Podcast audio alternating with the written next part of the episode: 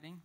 Onsdag så ble det betydelig høyere temperatur i Stortinget enn det har vært på en stund. Da eh, Jonas Gahr Støre utfordret statsminister eh, Erna Solberg. Og Venstre eh, sa blankt nei til eh, regjeringens 40 eh, forslag til innstramminger i asylpolitikken. Eh, er du skuffa over din samarbeidspartner Venstre? Jeg konstaterer at vi før jul inngikk et eh, bredt forlik på Stortinget om betydelige innstramminger i asyl- og innvandringspolitikken. Eh, det var rett før jul. Nå er vi i februar. Eh, og nå er jeg litt usikker på hva mange av partiene som var, da var en del av det forliket, faktisk mener. Men jeg har tenkt å, å, å avvente det litt, lett og slett, fordi at nå er forslagene til regjeringen ute på høring. Nei, den, den, den, den, var slutt på tirsdag. Ja, og vi skal nå gå igjennom alle høringsforslagene som er kommet inn, eh, som grunnlag for at vi skal legge disse forslagene frem for Stortinget til behandling.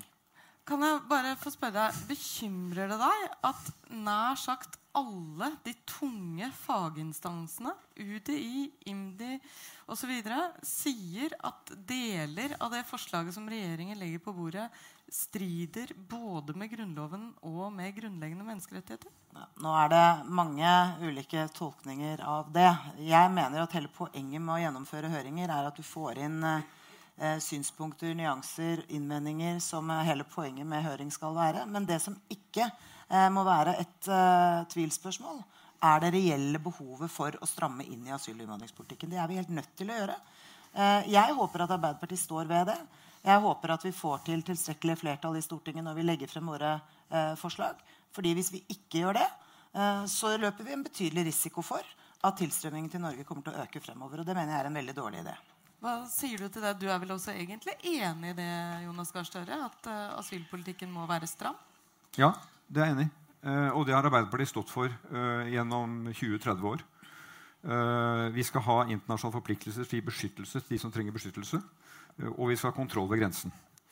Det som skjedde i fjor høst, var jo at Stortinget så en ekstraordinær situasjon for hele Europa og for Norge. Og Derfor så sa vi vi samler oss nå for å gjøre grep i forhold til kontroll ved grensen. Som er blitt helt nødvendig. Vi så det ved Storskog. Der var det ikke kontroll. Det gikk for lenge. Vi ga regjeringen støtte til å få kontroll.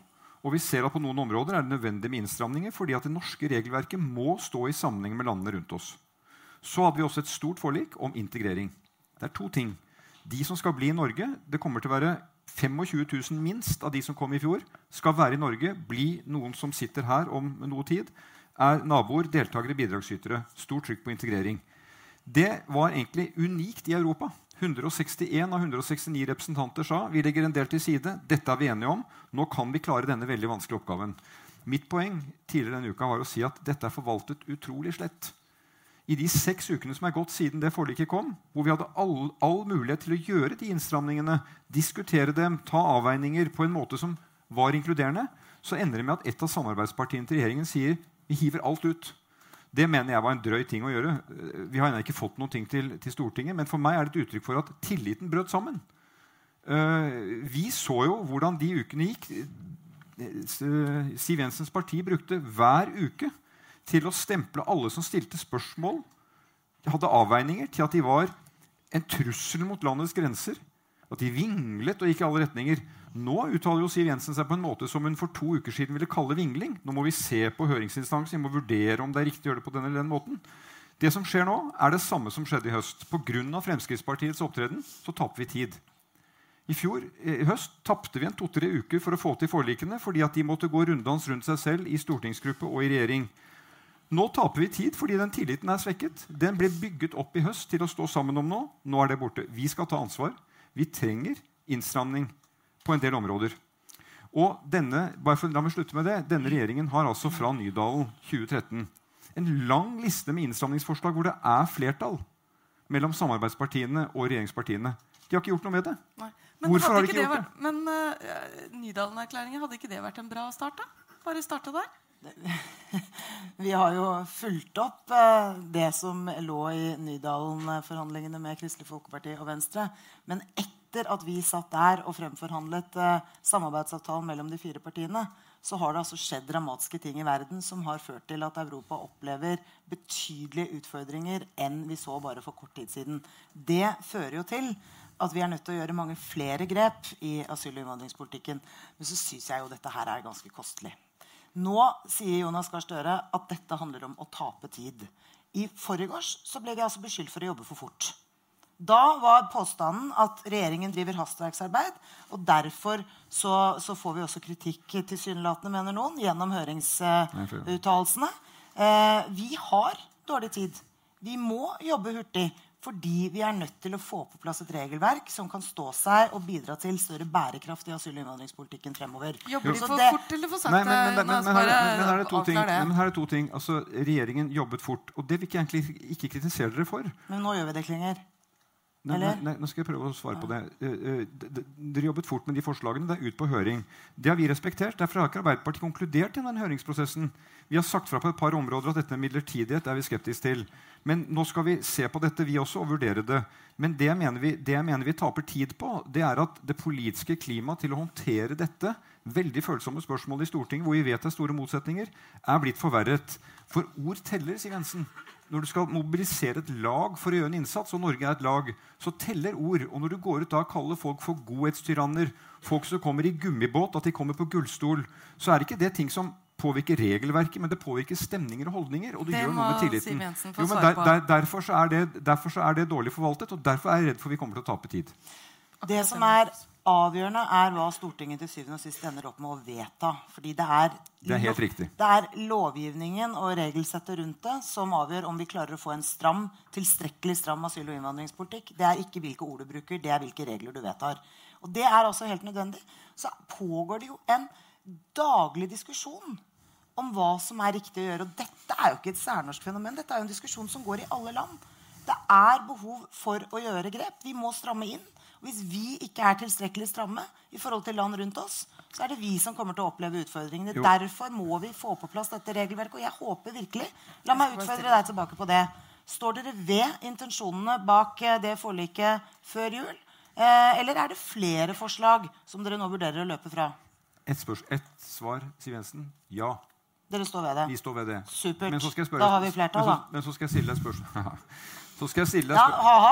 Har vi ikke det, da? Jo, men altså, vi, vi, vi sto bak det forliket som sto i jul. Det er ikke en blankofullmakt til at regjeringen kan legge frem 40-50-60 forslag og si at hvis du er mot alt vi legger frem, så er du mot forliket. Vi står ved det forliket. Men la meg spørre deg, to omstridte ting de siste dagene har vært utvidet midlertidighet for å få permanent opphold og et beløp for underholdskrav. Det har du i Nydalen-avtalen flertall med KrF og Venstre for å gjennomføre. Hvorfor er det ikke gjennomført? Vi har eh, jobbet med det helt målrettet siden den avtalen ble inngått. Nå ligger forslagene der, klare til å bli vedtatt av Stortinget. Nei, og jeg det. håper jo at vi får flertall for det. Men det er ikke, det er helt, det, det, er ikke det jeg sier. For de, de, forslagene ble sendt på høring tidlig i 2014, og så har dere latt det ligge. Eh, altså dette med midlertidighet er jeg skeptisk til, for jeg tror det er dårlig for integrering. Men jeg bare konstaterer at det er to forslag hvor dere har flertall allerede. kunne innført for ett år siden. Det må du få svar på. Det har vært mange sider ved oppfyllingen av det eh, forliket mellom eh, Kristelig Folkeparti og Venstre som det har vært etterspurt at vi skulle gå og følge opp. Og Men ta dette helt konkret. Jo, nei, har, er ikke, hvis dere har flertall for det, hvorfor er ikke det innført? Fordi eh, vi for det første ble bedt om å få fart på, eh, eh på å håndtere oppfølgingen av, av lengeværende barn. Det var en prioritert oppgave fra Venstre og KrF, og de ga oss en marsjordre om å prioritere det foran andre. Det gjorde vi. Vi fikk på plass en enighet om det, som nå virker. Så gikk vi videre og jobbet med alle de andre oppfølgingsspørsmålene, i tillegg til at vi måtte utvide eh, innstrammingstiltakene. Det er altså tre spor vi har jobbet etter. Det ene er innstrammende tiltak. Det andre er kostnadsreduserende tiltak rett og slett fordi vi kan ikke fremstå med rausere ordninger enn land det er naturlig å sammenligne oss med. Og det tredje er integrering. Og nå har vi varslet at integreringsmeldingen vil komme til Stortinget denne våren. Og det er jeg enig med Støre i. Også viktige spørsmål å diskutere. I hvert fall i forhold til de som jo. ender opp med å skulle bli La meg bare få ta et lite tilbakeblikk, Siv Jensen. Det er altså 60 millioner mennesker på desperat flukt i verden nå. Verste situasjonen siden andre verdenskrig. Mm. Eh, gjør den eh, situasjonen deg eh, bekymra eller redd? Jeg mener det er en veldig alvorlig situasjon. Og det er jo nettopp derfor vi også tok initiativ til uh, giverlandskonferansen som nå nettopp har vært i London, og som forhåpentligvis bidrar til at flere land uh, kommer til å bevilge mer penger over flere år for å bidra til at vi får uh, bedret situasjonen i Syria og nabolandet rundt. Det mm. mener jeg er helt avgjørende fordi hvis vi ikke klarer å bidra til å få bedre fremtidsutsikter i den regionen, så kommer vi heller ikke til å klare eh, å gjøre noe med de migrasjonsstrømmene som vi nå ser. Hjelpe der og hjelpe her. Men grunnen til at jeg spør, er at uh, innvandrings- og integreringsminister Sylvi Listhaug i flere større intervjuer sier at hun eh, legger fram disse forslagene om innstramming eh, nærmest for å redde det norske folk. Så jeg lurer på om det er et utsagn du er enig i? Jeg mener det er helt avgjørende at vi klarer å sikre god bærekraft i innvandrings- og asylpolitikken. Det er jo det det handler om. Altså, vi er et lite land. Vi kan ikke ta en større andel uh, flyktninger til Norge enn det vi evner å absorbere i vårt samfunn. Disse utfordringene har vi sett for. Jeg har bare lyst til å minne om da, at det vi overtok etter den rød-grønne regjeringen, som ikke styrte landet gjennom en spesielt krevende migrasjonsutfordring, så satt vi igjen med en arv med et betydelig antall mennesker i våre mottak som ikke eh, vi hadde klart å bosette ute i kommunene. Og det er vel helt riktig, Jonas Gahr Støre. Bosettingen har jo faktisk skutt fart med ja, denne regjeringen. Eh, og det er veldig bra, og det måtte hver regjering ha måttet jobbe med. Så det er veldig fint at det kommer. Men det er jo veldig hult da, fra Siv Jensen. Nå har hun altså sitter en regjering som har gitt opphold til 25 000 mennesker omtrent eh, i Norge i fjor. Og fortsatt så står hun ved sin uttalelse fra august 2015 om å oppfordre kommunene til å si nei til å bosette. Hun, hun, hun, hun, hun, sitter i en regjering som har kuttet i støtten til norskopplæring. Så altså, poenget er det at Skal vi da ha folk som sitter og ikke kan norsk, på mottak for resten av livet? Det er jo konklusjonen. Så poenget er med, altså For å ta tilbake til det du sier med de 60 millioner. Det er jo første, i første rekke en, en katastrofe for disse menneskene. Eh, Norge er av de landene som er minst berørt. La oss huske det, Hvis vi begynner med Jordan og de landene rundt, og så går vi sør i Europa og, og, og ser at det er, det er et, en stor utfordring. Det med giverlandskonferansen synes jeg var veldig fint. Det har jeg gitt kompliment for, og det er en god norsk tradisjon. Men spørsmålet det kan være interessant å stille Siv Jensen, det er hva bør Europa gjøre? For vi er en del av Europa. Vi er en del av Europas yttergrense. Og vi ser at Schengen-Dublin-systemet knaker. Der må jo Norge nå ta en aktiv del. Hvordan skal Europa ruste seg for det som nå kommer? Det kom 60 000 til Hellas i januar 2016 mot bare noen hundre i 2015. Du utvider ikke maktgrunnlaget til Siv Jensen ganske mye nå ved å gjøre henne til en slags europeisk ansvarlig minister? Nei, men Hun er nummer to i en norsk regjering som er en del av dette yttergrenseregimet. Og det er veldig mange land i Europa som ikke har yttergrense for Europa. Vi har det med Russland i nord. La det ta det aller første først. Står du ved din oppfordring til kommunene til å si nei til bosetting? Altså, jeg mener det jeg har ment hele tiden, nemlig at det er opp til hver enkelt kommune Uh, hvor mange de ønsker å ta imot, og hvor mange de ønsker å bosette. Så det, det er bra ikke... at Solveig Horne er så flink til å bosette, men, men det hadde vært fint om kommunene sa nei, til, sa nei litt altså, oftere? Altså, det er ingen, kanskje med unntak av SV, som har tatt til orde for tvangsbosetting av, uh, av flyktninger i Norge. Det er frivillig bosetting, og det mener jeg det fortsatt skal være. Men det vi har gjort fra regjeringens side, som jeg mener er riktig, er å styrke de virkemidlene som gjør det enklere for kommunene eh, hvis de velger å si ja. Det handler om integreringstilskuddet og det handler om en lang rekke andre vertskommunetilskuddet f.eks. Så det må, mener jeg det er viktig at vi gjør. Har gode ordninger som ikke legger større økonomiske belastninger på kommunene i en situasjon hvor de velger å ta imot og bosette. For, ja. Men så er det et viktig spørsmål som Jonas uh, tar opp i forhold til Europa. Det er for så vidt ikke en norsk regjering alene som kan avgjøre hvordan resten av Europa håndterer dette spørsmålet, men det står jo høyt oppe på dagsorden i alle europeiske organer. Det ene handler jo om diskusjon om uh, yttergrensespørsmål. Uh, som er utfordrende, særlig for de landene som har yttergrense, hvor presset er betydelig større enn det vi har opplevd. Det hadde kunnet komme til å bli en mye større utfordring for oss på Storskog hvis vi ikke klarte å få kontroll med det. Jeg er veldig glad for at vi har uh, fått på plass Eh, et system som bidrar til at det nå ikke kommer flere over Storskog, og at vi sakte, men sikkert får sendt tilbake eh, mennesker derfra. Men eh, Schengen er en utfordring, og mange andre av mekanismene innenfor Europa er helt avgjørende for at vi skal klare å håndtere dette. Derfor har vi jo tatt til orde i ulike europeiske fora eh, for å bidra aktivt til en forsterket yttergrensekontroll i andre europeiske land. Eh, vi har tatt til orde for andre typer mekanismer eh, som også bidrar til å avlaste ikke minst Hellas i den situasjonen de er i nå, som er selvfølgelig svært krevende. Det siste er viktige temaer som jeg mener vi diskuterer litt lite her nå. for vi, dette som skjer i Europa er viktig, og, og, Norge må være til stede der. Men det vi hørte før, er jo uttrykk for en utrolig dobbeltkommunikasjon. For at Siv Jensen sier noe som er gjeldende praksis i Norge. Kommunene må avgjøre hvor mange de tar imot. Sånn er det jo i dag, bortsett fra akuttmottak, som du kan bli pålagt. Men samtidig opprettholder hun sitt råd til kommunene om å si nei. Og jeg mener at det som er balansen Arbeiderpartiet skal stå i, og som jeg skal vokte over, det er at vi skal ha kontroll ved grensene. Vi trenger noe innstramning der. Og vi skal være rause og aktive på integrering. Og Da handler jo det om å få folk raskt ut av mottak, ut i kommunene. Legge til rette for at det kan skje. Snakke med kommunene, spille på lag med dem. Du kan ikke ha en nummer to i regjeringen som sier da at dere bør si nei. Og så er det fint om noen sier ja likevel, men det er mitt råd. Altså, det er å dekke seg på begge sider. Jo, men ikke sant, Ord teller. Og så er det å gå inn og si at det blir tilrettelagt ny støtte, intensiv støtte for norskopplæring, for kompetansekartlegging, for bostøtte, utleieboliger, så folk kommer ut i bolig og ut i arbeid kartlegge kompetansen, slik at de kommer ut i arbeidsmarkedet. Ikke på bunnivå, men ut på etter ordnede forhold i norsk arbeidsliv. Det er en kjempeoppgave. Mm. Og Derfor så mener jeg vi taper igjen tid på at vi nå bare har snakk om det som skjer ved grensen. Det er nødvendig. Men vi må også ha trykk på integrering. og det legger denne regjeringen for lite vekt på. Men nå peker jo også Siv Jensen på at integreringsmeldingen jo kommer til Stortinget denne våren. Og da vil, vi, må vi jo regne med at uh, trykket også blir større kutt, på integrering. Kutt, kutter de norskopplæring, kutter de dagpengene til de som sitter her. Så de har ikke råd til å ta taxi til legen engang. Det er ikke for det første måte å starte livet sitt på. har vi vært helt tydelige på at vi er nødt til uh, å, støtte, å, kutte i en del av de økonomiske ytelsene som vi har hatt, og som har vært for rause. Eh, mange av de norske ytelsene var bedre og rausere enn land det var naturlig å sammenligne seg med. Derfor måtte vi stramme inn på det. Når det gjelder norskopplæring, så er det ikke sånn at vi samlet sett har kuttet i norskopplæringen til innvandrere. Men er altså, vi er kommet i en situasjon eh, hvor vi, må, vi tar imot langt flere enn det vårt mottakssystem er rustet for å gjøre. rett og slett Pga. den situasjonen som har oppstått. Eh, da var vi altså helt nødt til eh, å prioritere norskressursene dit.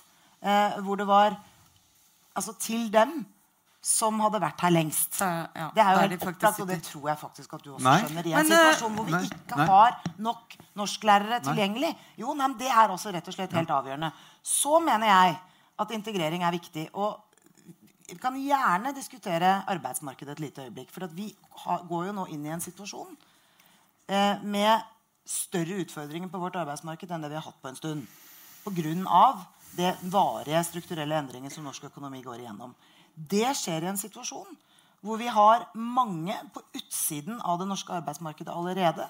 Vi har en betydelig andel av eh, arbeidstakerne våre som har lite eh, liten kompetanse. Alle disse opplever jo å komme i en situasjon hvor de kommer til å få prøvelser på arbeidsmarkedet. På samme tidspunkt så kommer det en del mennesker til Norge som også har liten eller ingen utdannelse. Det kommer til å bli utfordrende med tanke på det spesialiserte arbeidsmarkedet vi har. Eh, som, kom, som, vil bli mer spesialisert. Som vil bli mer spesialisert. Og derfor så er det jo helt avgjørende eh, at vi endrer på utdanningssystemet i tråd med mange av de anbefalingene vi fikk fra Produktivitetskommisjonen i går. Fordi vi er nødt til å bidra til at flere eh, av innbyggerne våre får høyere kvalifikasjon. La oss dreie denne samtalen nå inn på ledighet og økonomi, eh, Støre. Og, uh... ja, det er fristende å kommentere det siste, men uh, det er du som er programleder. Det, det, er jo fristende å kaste seg over økonomien. Ja, da, men, også, ikke men ikke sant? Bare for å ta en ting, for det som er farlig nå Det er, altså, det er, det er tre grupper som står i fare i arbeidsmarkedet. Det er de som mister jobben. Det er de som ikke kommer seg inn i arbeidsmarkedet. 40% av de unge som ikke kommer inn der, har ikke fullført videregående opplæring. Det er alvorlig. Og så er det flyktningene.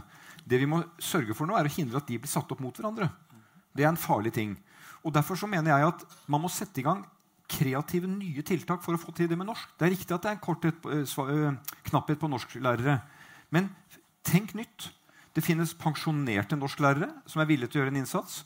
Hvorfor ikke gi studenter i norsk språk samfunnsfag et par ekstra poeng for å undervise i norsk i denne situasjonen? For jeg tror at det å, det å være kjipe på det, det å ikke gjøre den innsatsen, Det gjør at disse menneskene kommer ikke i gang med livene sine. De blir sittende og stirre i veggen.